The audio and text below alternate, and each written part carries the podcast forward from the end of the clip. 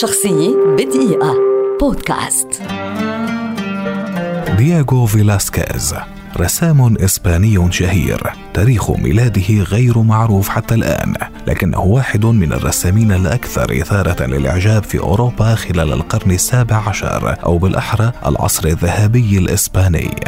توجه إلى الفن منذ طفولته ومن ثم انضم إلى الرسام الشهير فرانسيسكو دي هيريرا الذي علمه أن يرسم بفرشاة طويلة. أعماله الفنية المعقدة بموضوعاتها الواقعية وأسلوبه المميز الذي يبث من خلاله الحياة على القماش جعله أحد أبرز الرسامين في التاريخ. لم يكن فقط يمتلك موهبة مميزة جدا في تصوير الحياة في اللوحات لكنه كان قادرا أيضا على منحهم شعورا حقيقيا.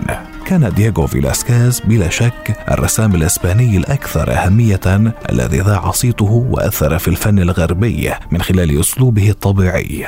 وكانت لوحاته المذهلة عادة مزيجا من كل من الألوان الساطعة والرتيبة. وقد كونت اللوحة البندقية الملكية التي تعود للقرن السادس عشر دورا هاما في اتجاهه نحو النمط الانطباعي ورسم الانطباعات البصرية اللحظية وهذا واضح جدا في أعماله التي ظل يرسمها طوال حياته. وما أضاف إلى شعبيته من استخدام تقنيات فريدة من نوعها وأساليب مختلفة في رسم الصور الشخصية كان عمله كفنان رائد في البلاط الملكي للملك فيليب الرابع الذي أصر على رسم صورته الشخصية من قبل فيلاسكيز.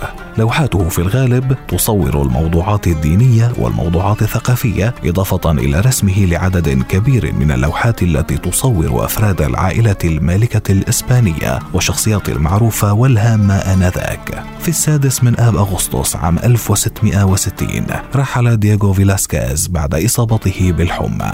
شخصية بدقيقة. بودكاست.